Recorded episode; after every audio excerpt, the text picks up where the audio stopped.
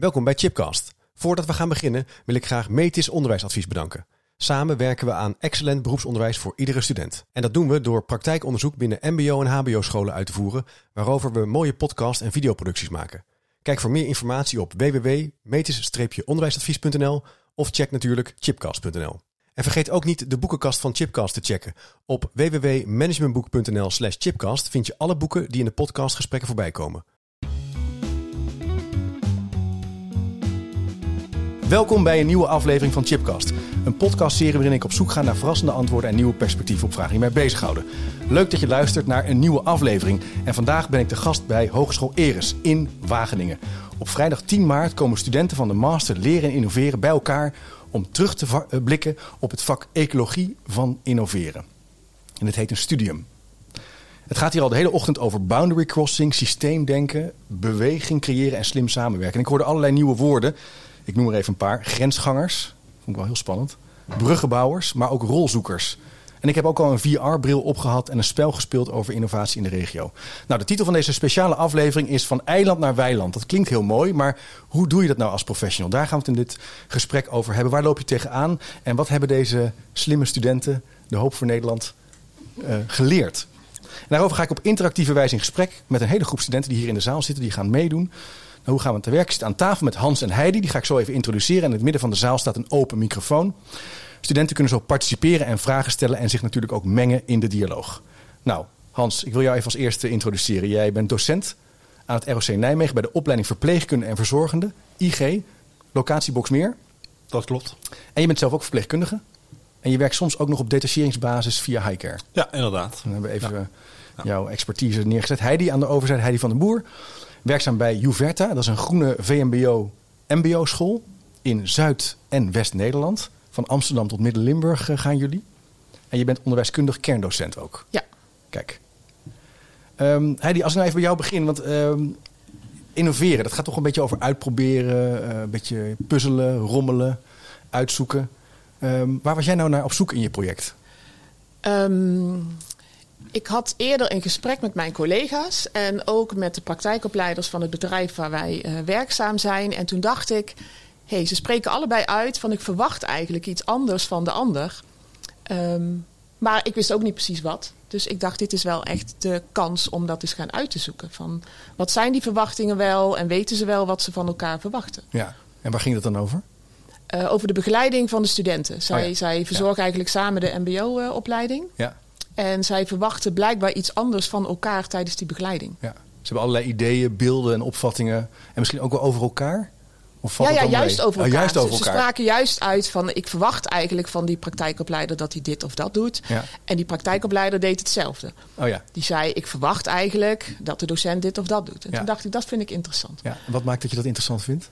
Ehm, omdat ik dan nog niet precies weet hoe het zit. En dat wil ik dan wel weten. Oh ja. Dus je bent een soort, ben je een soort onderzoeker geworden, een soort reporter om dat uit te gaan Ja. vogelen. Ja. En waar ben je achter gekomen? Ehm, dat de docenten eigenlijk beter weten wat hun rol is in, in dat hybride leren Mhm. of in dat samen opleiden. En dat de praktijkopleiders zich daar veel minder bewust van zijn. Dat ze ook in zo'n hybride omgeving aan het opleiden zijn wat hun rol dan is. Ja. Ja. Je zou kunnen zeggen, ja, die, eh, die rollen en taken en bevoegdheden staan toch allemaal netjes in een, eh, ja, een map ergens uitgeprint of een, of een online schijf. Is dat niet gewoon heel duidelijk voor iedereen? Nee, dat is niet heel duidelijk nee, voor iedereen. nee, maar toch zijn we daar altijd heel veel tijd mee kwijt. Ja. Hè? De managementkant van innovatie. Dan gaan gaan we het allemaal uitwerken. Maar dat is misschien niet... eh, Nou, daar kwamen we eigenlijk ook achter van hoe bewust zijn we nu aan het opleiden in een hybride leeromgeving. oh ja, ja. Misschien dus onbewust. ja. Ja, ja. En is onderzoek dan ook een manier om eh, eigenlijk dat vernieuwingsproces aan te jagen? Jazeker, ja, zeker. zo, Zo, eh, kijk heb ik het wel ervaren. Ja, ja, ja. Want Ja. Door het uit te spreken eh, zijn ze ook, ze, hè, zowel de praktijkopleiders als de docenten, zich ook bewust van hé, hey, ik heb blijkbaar dus verwachtingen die ik Ja. niet uitspreek. En het wordt ook gewoon teruggekoppeld aan hun met Ja. de vraag, wat gaan we ermee doen?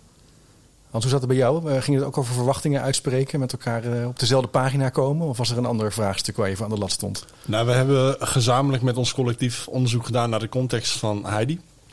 Dus eh, ik heb ook naar eh, de, de context van Heidi gekeken. Ja. Eh, en niet echt naar mijn eigen context. Natuurlijk heb ik wel een vertaling gemaakt naar mijn eigen context, naar de verpleegkundeopleiding. Ja. Daar zijn we ook bezig in samenwerking met praktijk om onderwijs te organiseren. En daar komen dan weer heel waardevolle dingen uit van waar, waar moet je dan op letten als innovator van leren. Ja. En waar moeten we op letten? Wat zijn de drie dingen die je hebt geleerd? wat voor mij heel belangrijk was, is het spreken van dezelfde taal. Ja. Hm. Als MBO-docent heb je een bepaalde taal die je spreekt met elkaar. Ja. Een, een docententaal. Die niet altijd door de praktijk wordt begrepen. Die spreken de praktijktaal, zoals er net bij een ander collectief werd genoemd. Ja. Um, en dat is waar we in dit onderzoek van dit thema ook achter zijn gekomen. We hadden een mooie vragen opgesteld in ons onderzoek. En die hebben we ook getoetst bij elkaar. Bij MBO-docenten kwamen hele mooie gesprekken uit.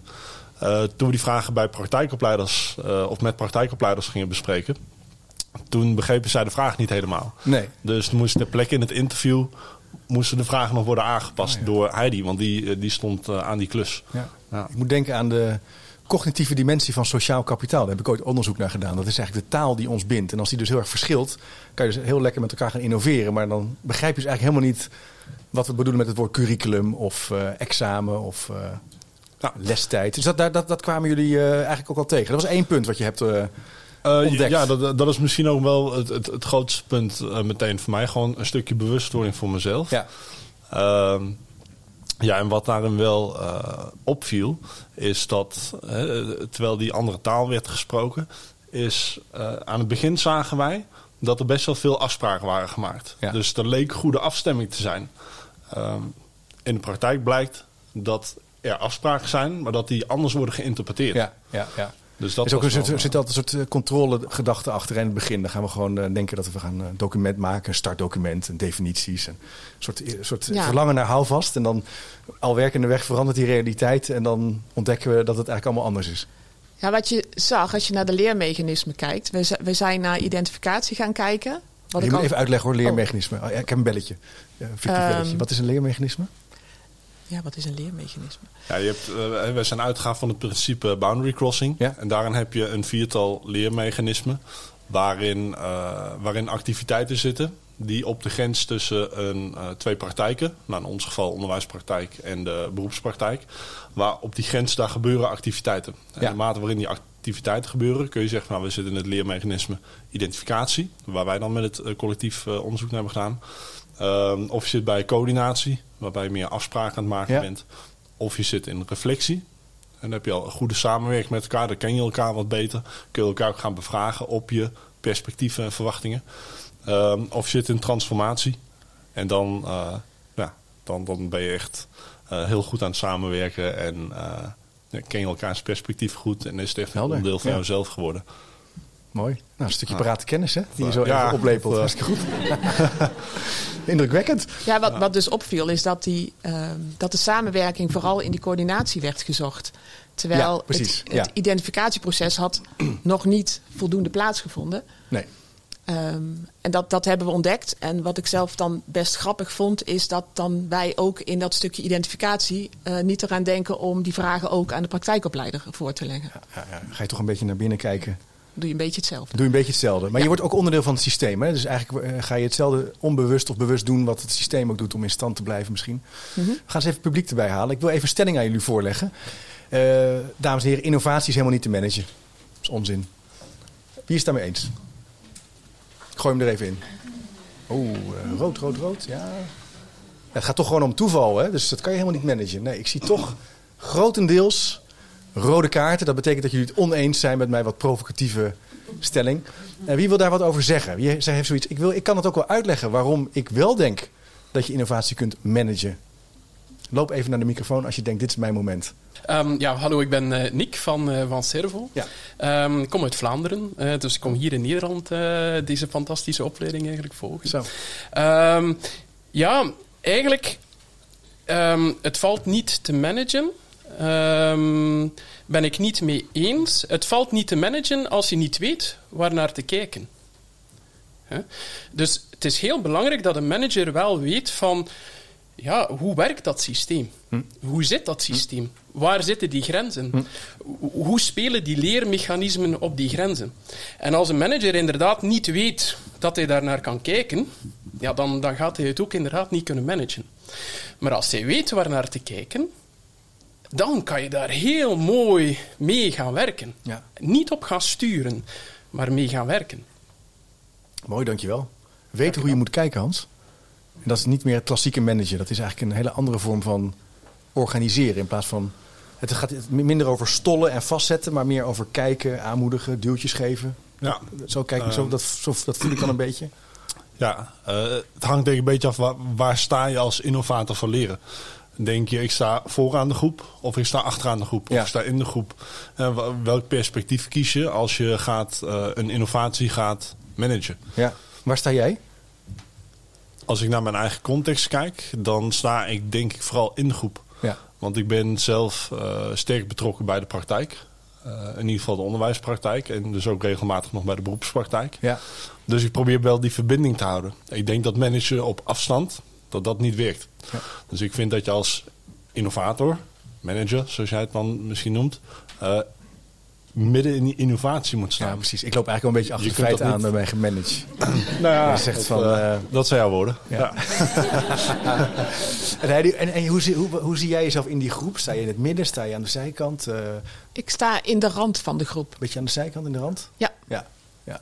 Ik maak wel onderdeel uit van de groep, maar ik heb ook wel heel veel contacten buiten eh, die groep. Ja. Ja. Nou, Ooit een keer op een congres kwam ik Ronald Bird tegen. Hij was een eh, social network analyst. En die zei, ja, als mensen zich in meerdere netwerken begeven... dan zijn ze vaak creatiever, maar ook gelukkiger. Verdienen ze meer. eh, zijn ze innovatiever. Eh, het is belangrijk om eigenlijk in die, die brokerage opportunities... Daar had hij, voor mij dat woord herinner ik me nu, daar had hij het dan over. Dus ik kan me ook voorstellen dat jullie eigenlijk ook naar op zoek zijn... naar die schakels tussen verschillende, zeg maar, petrischaaltjes van mensen die dingen doen. Die grensgebieden eigenlijk proberen te verbinden. Is dat, dat wat jij dan ook doet als je op die grens Ja, staat? dat, dat is wat ik doe. Ja. Dat is gewoon wat jij doet? ja, dat is gewoon mijn werk, ja. Ja. Ja. Ja. Is dat dan moeilijk om uit te leggen dat je dat doet aan, aan collega's? Dat ze denken wat een. Nee, Of ik denk dat dat- wel zichtbaar is. Ja. Nee, ja, ja. Oké. Ik zou eens willen weten, hoe bepaal je nou de systeemgrenzen met elkaar?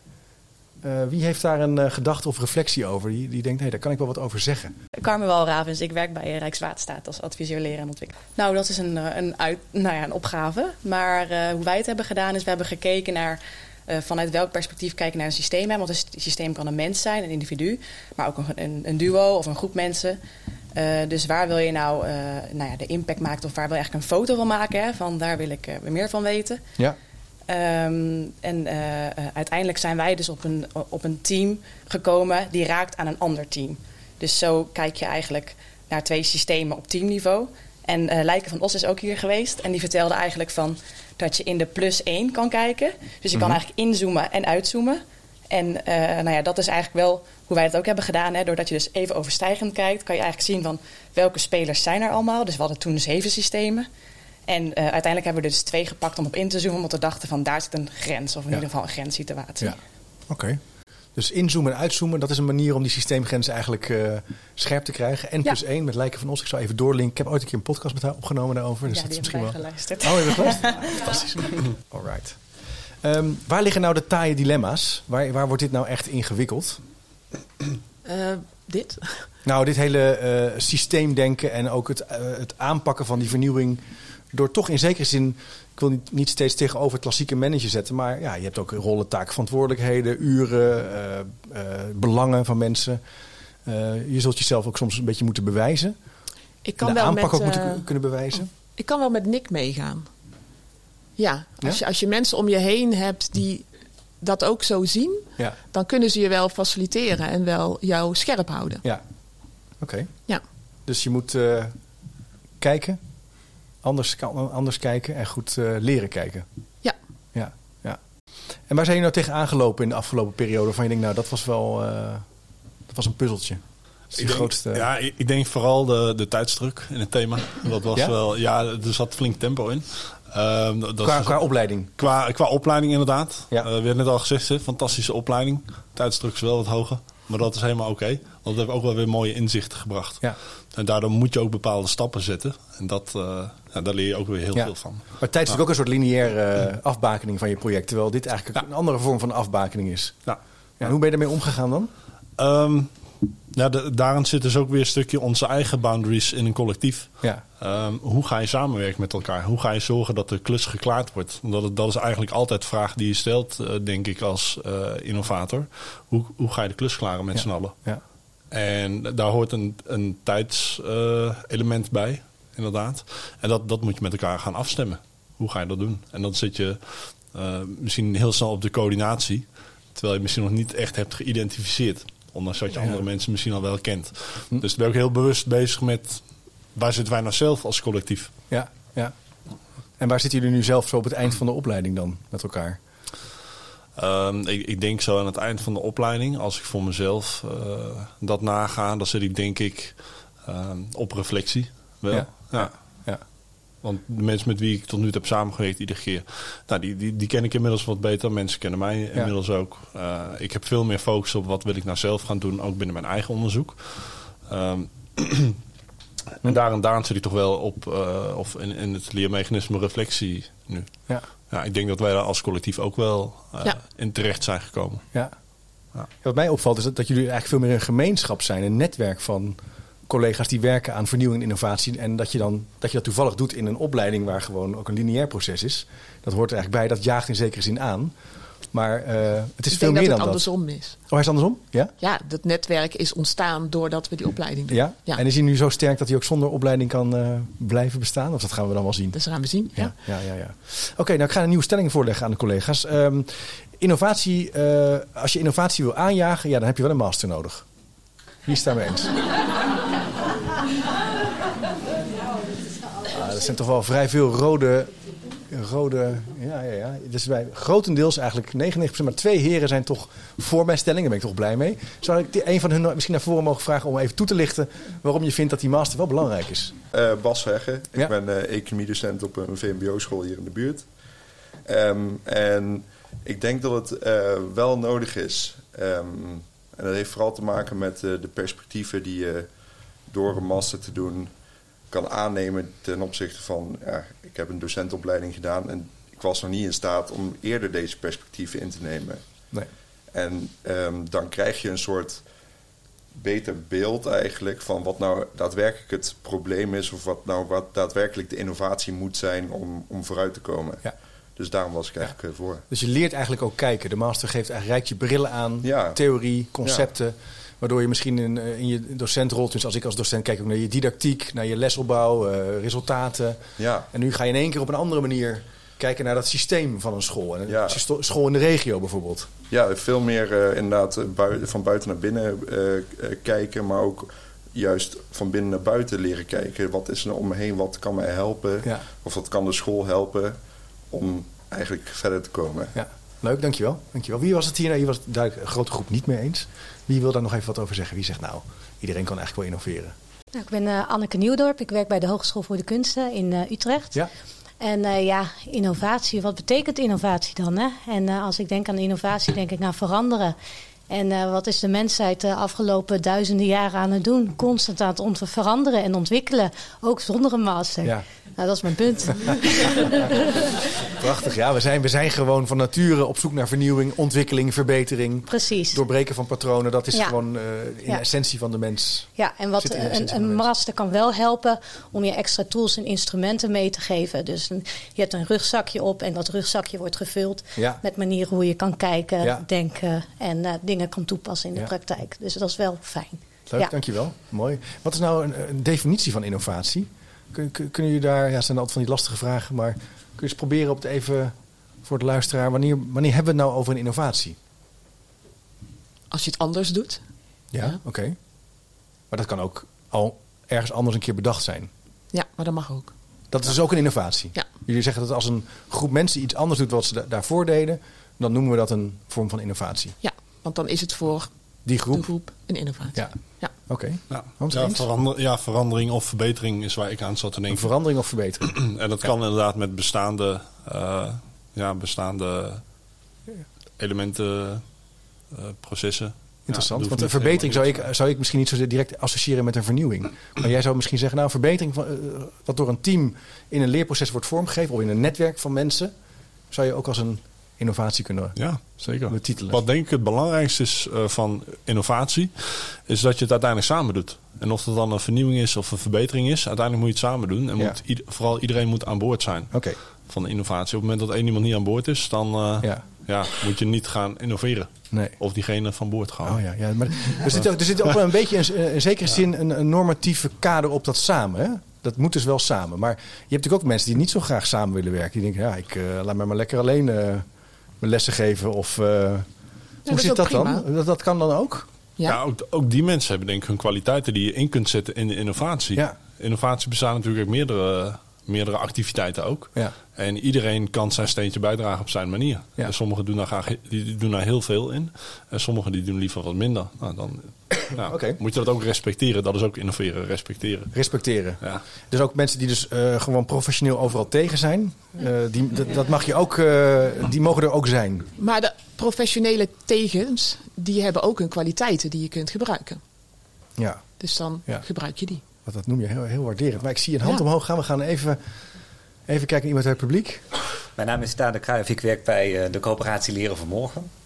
En wat me opvalt in het gesprek is dat er voor, ik, ik heb het idee dat er een spanningsveld zit tussen twee perspectieven. Dat innovatie enerzijds iets systematisch is, waar je een intentie bij hebt. En eh, eh, Mhm. in deze opleiding leren we verschillende methodieken bijvoorbeeld waarop je dat kunt vormgeven. Een sociale benadering, een ontwerpende benadering. En tegelijkertijd is er een bepaalde mate van ruimte of het niet beheersen van nodig, waarin nieuwe dingen kunnen ontstaan. En een docent die alleen met iets bezig is, kan wel een element zijn in dat grotere systeem van innovatie, wa- wa- in, in welk geval het niet beheerst wordt. Ja. En wat wel nodig is om die verandering op gang te brengen. En tegelijkertijd kun je daar volgens mij ook op een hele systemische manier naar kijken. En eh, proberen om de omstandigheden dan te cultiveren misschien.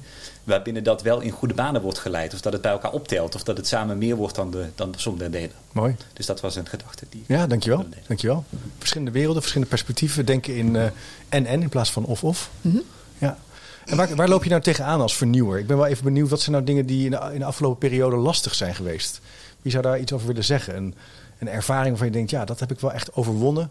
Misschien iemand eh, ja, die eh, niet direct mee wilde doen... of die, eh, die je erbij hebt weten te trekken op een bepaalde manier waar je trots op bent. Wie zou daar een reactie op willen geven? Een bumpy moment. In dit eh, proces. Ja, en ook even Of- vertellen wie je of- bent. ja, Als je ik- terugblikt, wat zijn nou iets wat je echt is bijgebleven, wat je hebt overwonnen? Mijn naam is Rick Peters, ik ben docent bij Gildeopleidingen. Ja. Ehm, in dit proces, even puur kijken naar dit stukje over, over boundary crossing. Ehm, een bumpy moment heb ik meer in de samenwerking in ons collectief. Dus niet direct gekoppeld aan de praktijk waar ik in werk. Mhm. Maar als ik kijk naar die praktijk waar ik in werk, het ging nu over boundary crossing. Dus hoe breng je excuus, twee eh, partijen bij elkaar of hoe eh, Ja. gaan ze op de grens samenwerken? Ehm, dan heb ik wel het gevoel dat het heel erg belangrijk is dat je iedereen daarin meekrijgt. En ook al, Ja. waar we het net over hadden, heeft iemand misschien net even een andere perspectief of heeft hij iets waardoor hij misschien niet zo snel meegaat. Om uiteindelijk te komen tot waar je wilt komen, moet je die mensen wel meekrijgen. Ja. Dus ook een inhoudelijke overwegingen moet je ook serieus nemen. Eh, Ja. Daar echt goed naar luisteren en dat niet zien als een vorm van... oh nee, ze gaan niet meedoen, maar dat echt erkennen en zien. Nou, ik denk dat er een reden is waarom iemand niet mee wil doen. Ja, waarom die ja, zoiets Ja. heeft van... hé, hey, wacht even, dit past op dit moment niet bij mij. Ja, ja, ja. En dat moet je echt... eh, ja, en dat heb je, dat heb je. Hoe, hoe, hoe doe je dat dan? Nou, ik denk door de essentie in te laten zien van waar wil je naartoe... eh, waarom doe je dit? Ja. Dat is denk ik... Ja, Als je iemand kan laten inzien van... hé, hey, dit is de reden waarom we het doen... of dit kunnen we ermee bereiken... Ja. door dat te laten inzien... dan denk ik dat Mooi. je wel mensen mee kan krijgen. ik moet denken, ik heb in mijn onderzoek naar netwerken en sociaal kapitaal... het proces van uitnodigen ook bestudeerd. En toen kwam ik erachter dat het best wel belangrijk is dat mensen elkaar ook persoonlijk uitnodigen en echt ge- geïnteresseerd zijn in de ander. En zo, in plaats van via de Outlook-agenda zeggen: Nou, we hebben morgen een innovatiesessie. Klik, eh, wees erbij. Ik heb zelfs, ik kan zelfs onderbouwen dat dat dus niet werkt. Het maakt best wel uit, precies wat jij nu vond mij heel mooi, dat je interesse toont, dat je er naartoe gaat, dat je het relationele aspect eigenlijk heel serieus neemt. Ja. Anders kan je ook geen kennis maken. Dan, ja, dan wordt het allemaal heel eh, ja, procedureel in zekere zin. Ja, zeker. Zelfs, bij, zelfs bij als iemand dus eigenlijk tegen is. Of, of vragen heeft, of geen tijd heeft, of in zijn hoofd. Dan Nou, er, er is een reden waarom iemand Ja. tegen is, denk Ja. ik. Dus dat is dan interessant om te Ja. achterhalen. Ja. Leuk, dankjewel. dankjewel. Interessant. Zullen we nog even een stelling eh, voorleggen? Eh, Innoveren, dat is een lineair proces. Oeh, dat gaat heel snel. Iedereen op rood. Nou. Eh, Niemand is het met mij eens. Oké, dus het is geen lineair proces. Wat is het dan wel? Wat, kan iemand daar wat over zeggen? Mijn naam is Wenda Hendricks. Ik werk uh, op uh, de Has Green Academy, dat is een HBO. En ik denk, uh, wij willen allemaal heel graag plannen van aanpak, agenda's. Heerlijk. Dan hebben we Oh, ja. milestones, dan hebben we dingen af. Maar wat wij hier binnen Wageningen, denk ik, voor mij persoonlijk een heel groot inzicht is geweest, is dat je moet durven te vertragen om daarna te versnellen. En als je je in je agenda zet, dan moet het project worden opgeleverd. Dat kan ook prima door de ruimte en de rust te nemen af en toe op de rem. Vinden wij elkaar? Zijn we nog op het goede pad? Moeten we bijsturen? En kunnen we dan ons doel nog bereiken? En daar zijn allerlei hele mooie managementtechnieken voor. En ik denk dat we binnen het onderwijs de studenten daar ook enorm veel tools voor geven. Maar wat wij denk ik met elkaar hebben geleerd is ga dat gesprek aan. Pas op de plaats. Zitten we op het goede spoor?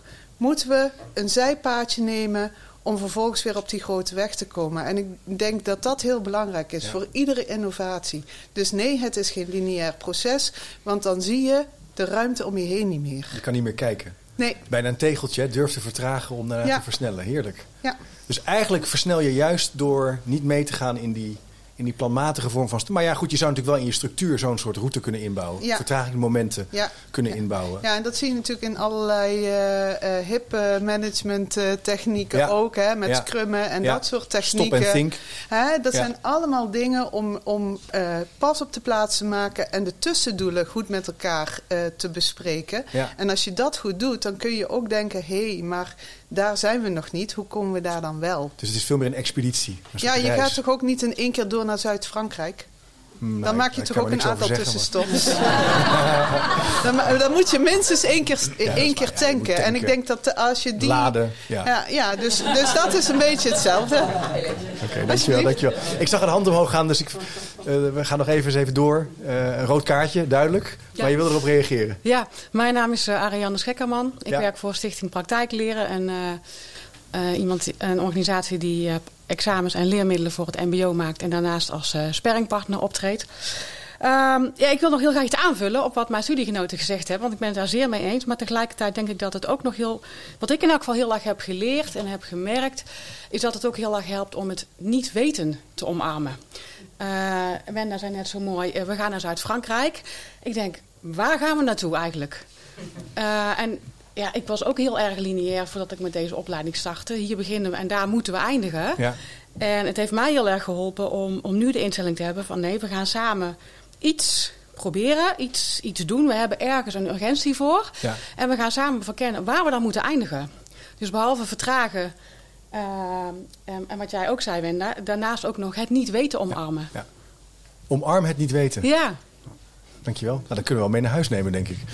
Wat ik nog als vraag aan jullie heb, ehm, is als ik eh, zo... Ik heb rondgelopen hè, op de in markt, noem ik het even, op het studium. En prachtige presentaties dus gezien via armbrillen en eh, spellen. Ehm, eh, hoe kan je ook innoveren zonder kennis?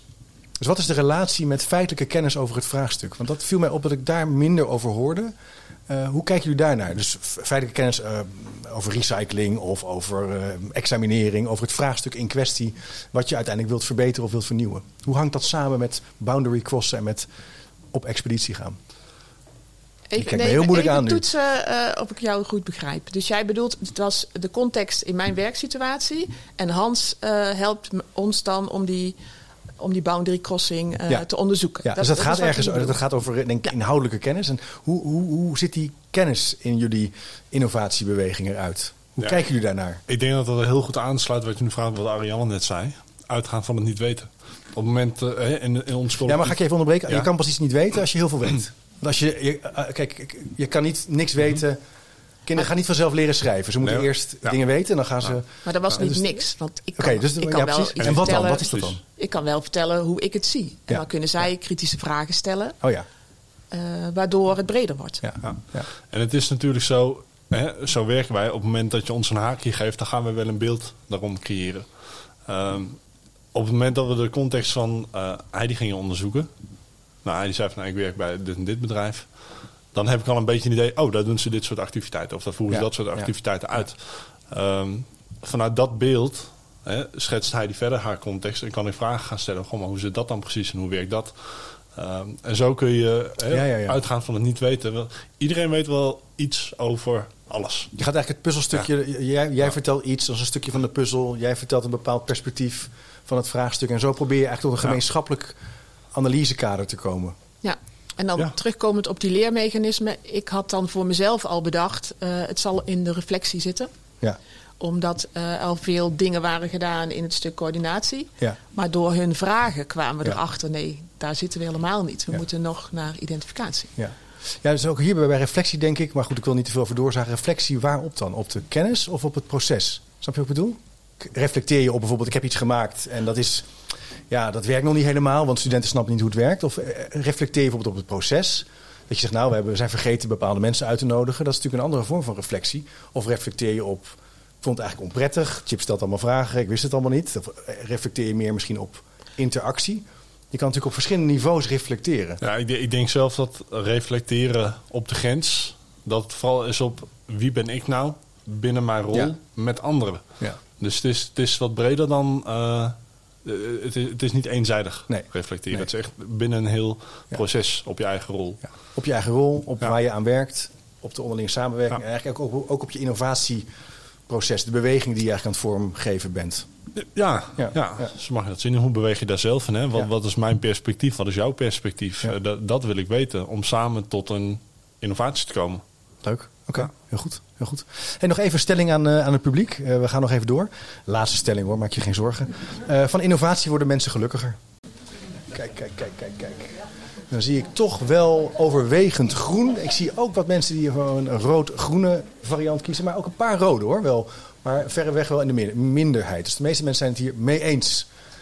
Eh, Wie zou willen uitleggen waarom worden we van innovatie gelukkiger? Ik ga gewoon even iemand uit aanwijzen. Zou ik jou naar voren mogen vragen? Ik ben Marlijn en ik werk op het Albeda in Rotterdam. Het eerste wat in me opkwam was eigenlijk mijn persoonlijke drive. En ik heb, ehm, eh, ik denk ieder mens wel, maar als ik kijk naar mezelf, altijd willen leren en, en, en eh, nieuwe hobby's. En na twee jaar was ik uitgekeken en wilde ik weer iets anders doen. Dus persoonlijk denk ik aan innoveren, aan veranderen, in iets nieuws ondernemen. Ja. Ehm, en ik denk eigenlijk, ja, heel stellig zou je het misschien niet moeten zeggen, zwart-wit. Het maakt altijd beter. Maar ik denk de drang om te vernieuwen, en nieuwsgierig zijn, eh, dat we daar gelukkig van worden. Ja, eigenlijk wat ook in, door je voorganger Ja. ook al werd genoemd. Dankjewel. Ja. Wie zegt hier van, nou, ik, de soep wordt niet zo heet gegeten. Ik heb hier een andere opvatting over. Ik ga even kijken of ik nog iemand anders misschien zou mogen. Had jij een rood kaartje? Ik had juist Een groen, wie had een rood kaartje? Wie zegt, nou, ik heb er wel wat vraagtekens bij. Ik wil even nog, zou ik jou mogen vragen? Ik ben eh, Erwin Hoeks van het Graafschap College. Ja. Eh, ik werk daar als docent. Ehm, ik, ik had eigenlijk beide vast. Eh, Ook omdat ja. eh, net al even gezegd werd, ja, er zijn soms ook mensen die willen niet. Die hebben eigenlijk geen zin. Dus ik kan me heel goed voorstellen dat niet iedereen gelukkig wordt van een innovatie. Dus daar was eigenlijk mijn rode kaartje voor. Zelf vind ik het wel heel prettig om, Ja. om bezig te zijn met vernieuwingen. Dus ja, ja. Dat is natuurlijk ook wel spannend. Sommige innovaties zijn ook ontregelend. Hè? Je hebt zelfs Schumpeter, Destructive Innovation. Ja. Ja. ja, dat zie je natuurlijk ook bij eh, eh, nou ja, tal van eh, ondernemingen. die ervoor zorgen dat mensen geen baan meer hebben of zo. Of die denken, ja, straks worden examens worden allemaal extern ingekocht. En ik ben examinator. Dat soort dingen misschien. Ja. Maar hoe, hoe, daar krijg je ook misschien... Ja, of is dat gewoon de realiteit? Hebben we on- daar hebben we ons gewoon toe te verhouden. Goh, ja, ik vind het, ik vind het wel een moeilijke. Ja, ik, daarom misschien- zat ik ook echt met die twee kaartjes. Ja, precies. Ehm, eh, ik, nogmaals, ik denk inderdaad dat er altijd mensen zijn die, die niet graag, eh, die, die daar een soort van weerstand tegen hebben. Ja. En die daar dus, dus niet gelukkig van worden. Ehm, eh, tegelijkertijd denk ik ook dat als je kunt laten zien dat iets verbetert, of dat het ook voor hun bijvoorbeeld werkbaarder wordt, Ja. eh, dat je zo iemand ook wel weer mee kan krijgen. Dus dit is altijd ja, het spanningsveld en zoeken naar van oké, Ja, misschien waar ik ook aan moet denken is het moment dat je dus slachtoffer wordt of geen invloed hebt op een verandering. Hè? Dus niemand wil veranderd worden, maar je wil wel meedoen. Meestal. Dus bij innovatie ook. Ja, als ik in één keer hoor van er komt een innovatie aan en eh, mijn afdeling staat op de tocht. Dat is heel anders als je eigenlijk in een organisatie bent waar je mag meedenken, waar de ruimte is, waar er vertragingsplekken zijn, waar je op expeditie kunt gaan. Dan is het ook van jou. ja. Dus dat zou misschien een, eh, een beetje een hoopvolle synthese zijn tot- tot die tegenstelling. Dankjewel. Ja. Ja. Dat kwam ook aan de orde bij eh, de gastles van Lijken van Os. Ja. Die, dat ging over weerstand. Ja. En ehm, zij gaf ook aan als mensen, mensen reageren met de kennis die ze hebben op de vernieuwing. Ja. En Ja. eh, het is wel nodig om nieuwe kennis eh, aan te brengen om op de juiste manier ook eh, in te zien wat die vernieuwing dan is en wat die voor je kan doen. Ja. Ja, dat is een mooi punt. Meer kennis, meer weten. Ja. Ga je ook anders kijken. En je denkt ook vaak in je eigen denkframe. Hè? Dus ik bekijk en oordeel via mijn eigen denkladdertje. En jij via een ander laddertje. Die moet je eigenlijk een beetje bij elkaar gaan Ja. zetten. Verruimen. Ja. Verruimen. Hoopvolle boodschap. Nou, Leuk. mooi.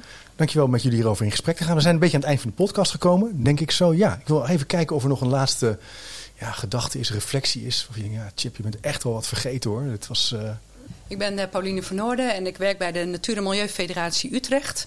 En ik haak nog even aan op de vraag die je net zei eh, over kennis. ja. Want ik eh, organiseerde gisteren bijvoorbeeld een bijeenkomst voor eh, ambtenaren... die verantwoordelijk zijn voor circulaire economie. En wat eh één dame zei...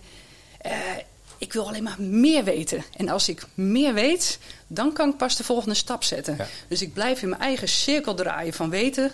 Lezen, nog een keer een interview, nog een keer een eh, onderzoek. En ze, ze durfde daardoor niet de volgende stap te zetten. Dus, eh, dus kennis kan je, in ieder geval als je denkt dat je onvoldoende kennis hebt, kan je ook tegenhouden in een eh, volgende stap. En in een positieve beweging word je ook nieuwsgierig, uitgenodigd, ga je meedoen. En dan ontstaat er eigenlijk zoiets van een soort oneindige Precies. eh, drive om meer te weten, meer te kunnen, meer uit te proberen. Maar wel vanuit het doen. Ja. En niet vanuit in je Ja. eigen bubbel Ja. eh, alleen maar meer kennis vergaren. Mooi, dankjewel. Daarin, als ik nog een aanvulling mag doen. eh, daarin ondersteunt de master denk ik wel heel erg. Want mensen zijn van nature gemotiveerd om te leren. Ja. Om iets nieuws te gaan doen.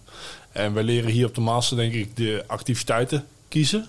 Die ervoor zorgen dat het vlammetje blijft branden. Ja. Van die motivatie. Want je kunt heel veel doen als klassieke manager.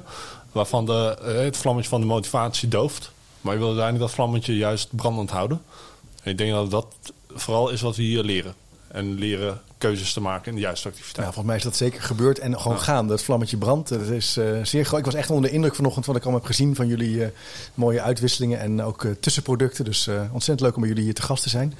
Dankjewel. Graag gedaan. Leuk dat jullie aan tafel te komen. Bedankt ook voor het eh, actief participeren in de podcast. Eh, als je nou nieuwsgierig bent naar deze master leren en innoveren, kijk dan even in de show notes voor meer informatie of ga naar chipcast.nl.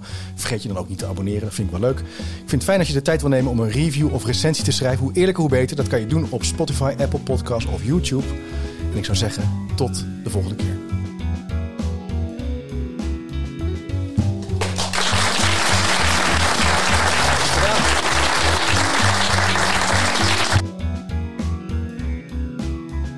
Nieuwsgierig naar meer? Abonneer je op de nieuwsbrief en je mist niks. Ga naar www.chipcast.nl slash doe mee. Wist je dat er op chipcast.nl meer dan 200 afleveringen over onderwijs, samenwerken, innovatie, verbetermanagement, leiderschap, organisatieverandering en filosofie te vinden zijn? Blij met deze podcast? Je helpt Chip enorm met een review of recensie op Spotify of Apple Podcast. Je kunt trouwens alle gesprekken op YouTube bekijken. En vergeet je dan niet te abonneren. Tot slot nog even dit. Managementboek heeft ook een podcast, De Boekenpraktijk, over managementboeken. Check ook deze podcast via je favoriete podcast app.